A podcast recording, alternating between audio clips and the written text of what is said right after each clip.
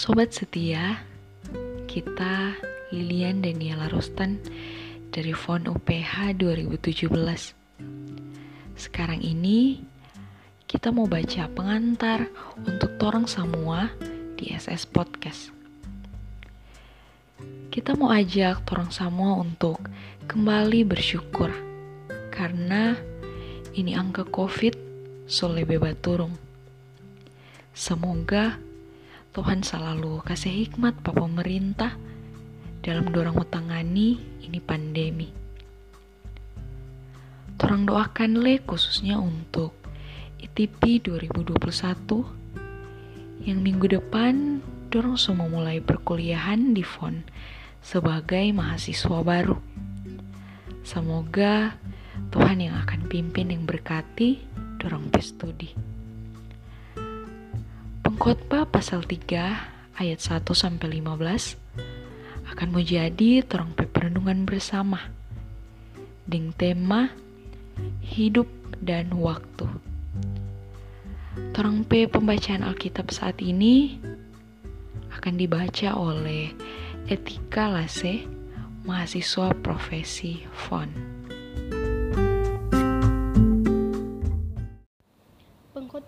3 ayat 1 sampai dengan 15. Untuk segala sesuatu ada waktunya. Untuk segala sesuatu ada masanya. Untuk apa pun di bawah langit ada waktunya. Ada waktu untuk lahir, ada waktu untuk meninggal, ada waktu untuk menanam, ada waktu untuk mencabut yang ditanam, ada waktu untuk membunuh, ada waktu untuk menyembuhkan, ada waktu untuk merombak, ada waktu untuk membangun, ada waktu untuk menangis, ada waktu untuk tertawa, ada waktu untuk meratap, ada waktu untuk menari, ada waktu untuk membuang batu, ada waktu untuk mengumpulkan batu, ada waktu untuk memeluk, ada waktu untuk menahan diri dari memeluk, ada waktu untuk mencari, ada waktu untuk membiarkan rugi, ada waktu untuk menyimpan, ada waktu untuk membuang, ada waktu untuk merobek, ada waktu untuk menjahit, ada waktu untuk berdiam diri, ada waktu untuk berbicara, ada waktu untuk mengasihi, ada waktu untuk membenci, ada waktu untuk perang, ada waktu untuk damai. Apakah untung pekerja dari yang dikerjakannya dengan berjari payah? Aku telah melihat pekerjaan yang diberikan Allah kepada anak-anak manusia untuk melelahkan dirinya. Ia membuat segala sesuatu indah pada waktunya, bahkan ia memberikan kekekalan dalam hati mereka tetapi manusia tidak dapat menyelami pekerjaan yang dilakukan Allah dari awal sampai akhir. Aku tahu bahwa untuk mereka tak ada yang lebih baik daripada bersuka-suka dan menikmati kesenangan dalam hidup mereka. Dan bahwa setiap orang dapat makan, minum, dan menikmati kesenangan dalam segala jeripayanya, itu juga adalah pemberian Allah. Aku tahu bahwa segala sesuatu yang dilakukan Allah akan tetap ada untuk selamanya itu tak dapat ditambah dan tak dapat dikurangi. Allah berbuat demikian supaya manusia takut akan Dia. Yang sekarang ada, dulu sudah ada, dan yang akan ada, sudah lama ada, dan Allah mencari yang sudah lalu. Demikian firman Tuhan.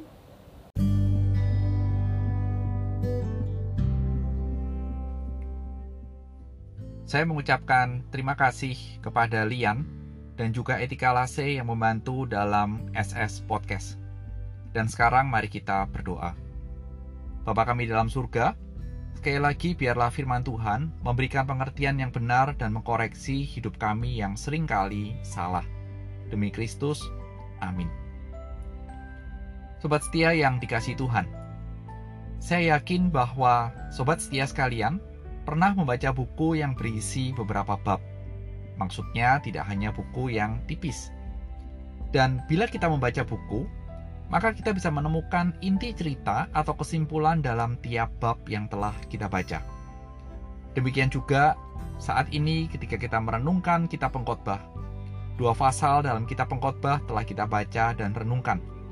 Kita bisa menyimpulkan bahwa pengkhotbah mengajarkan hidup di luar Tuhan adalah suatu kesia-siaan, suatu kehampaan yang real, yang nyata dalam kehidupan manusia.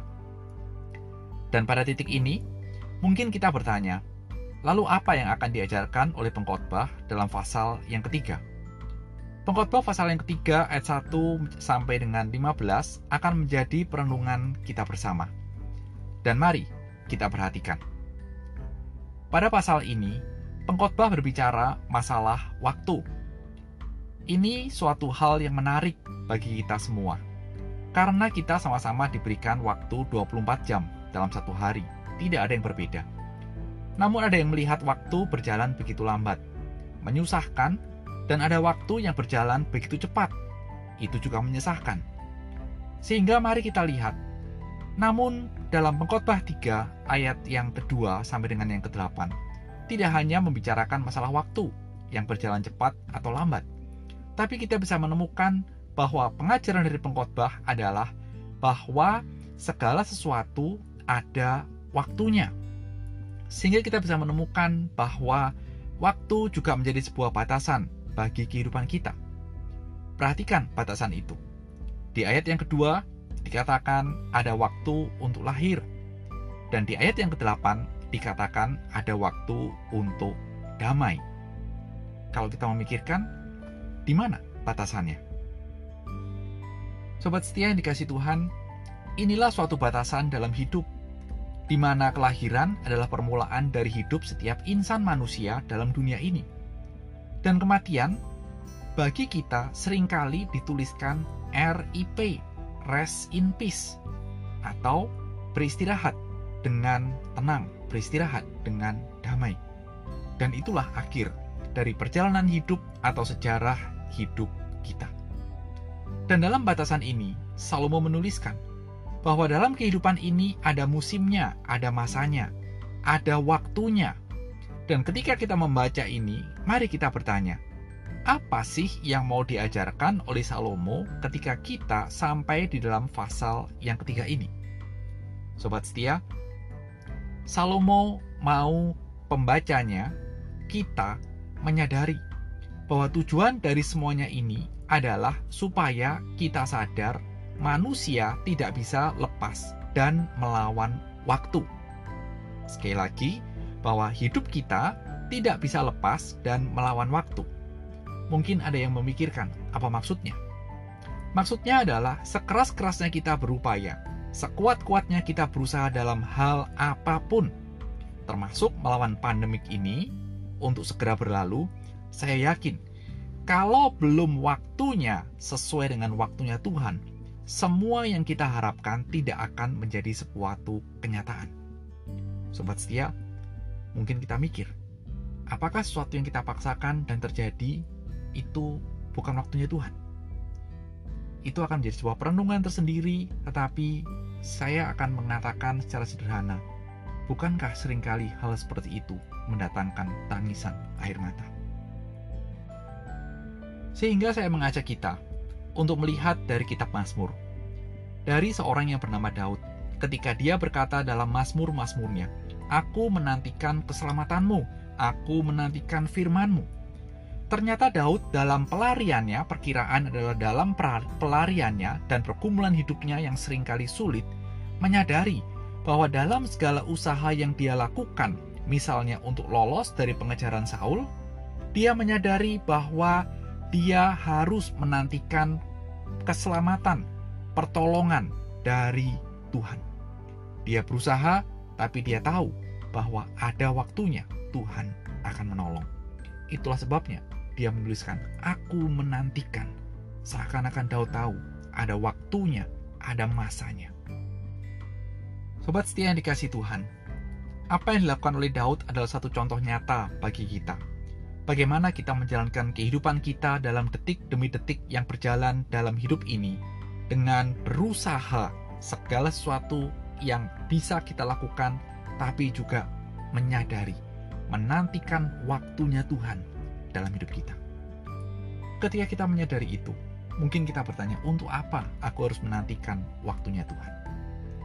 Ayat 14 memberitahukan kepada kita, supaya manusia hidup takut akan Allah.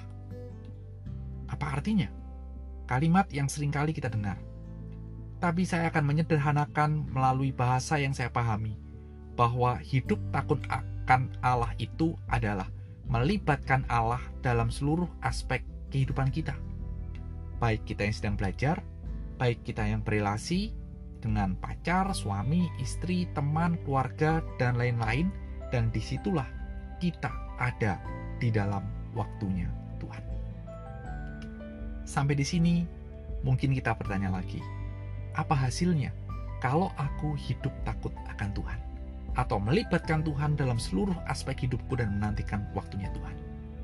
Bila itu menjadi pertanyaan kita, saya akan menjawab sebagai penutup dalam perenungan kita melalui Amsal 3 ayat yang ke-6 yang mengatakan bahwa akuilah dia dalam segala lakumu maka ia akan meluruskan jalanmu.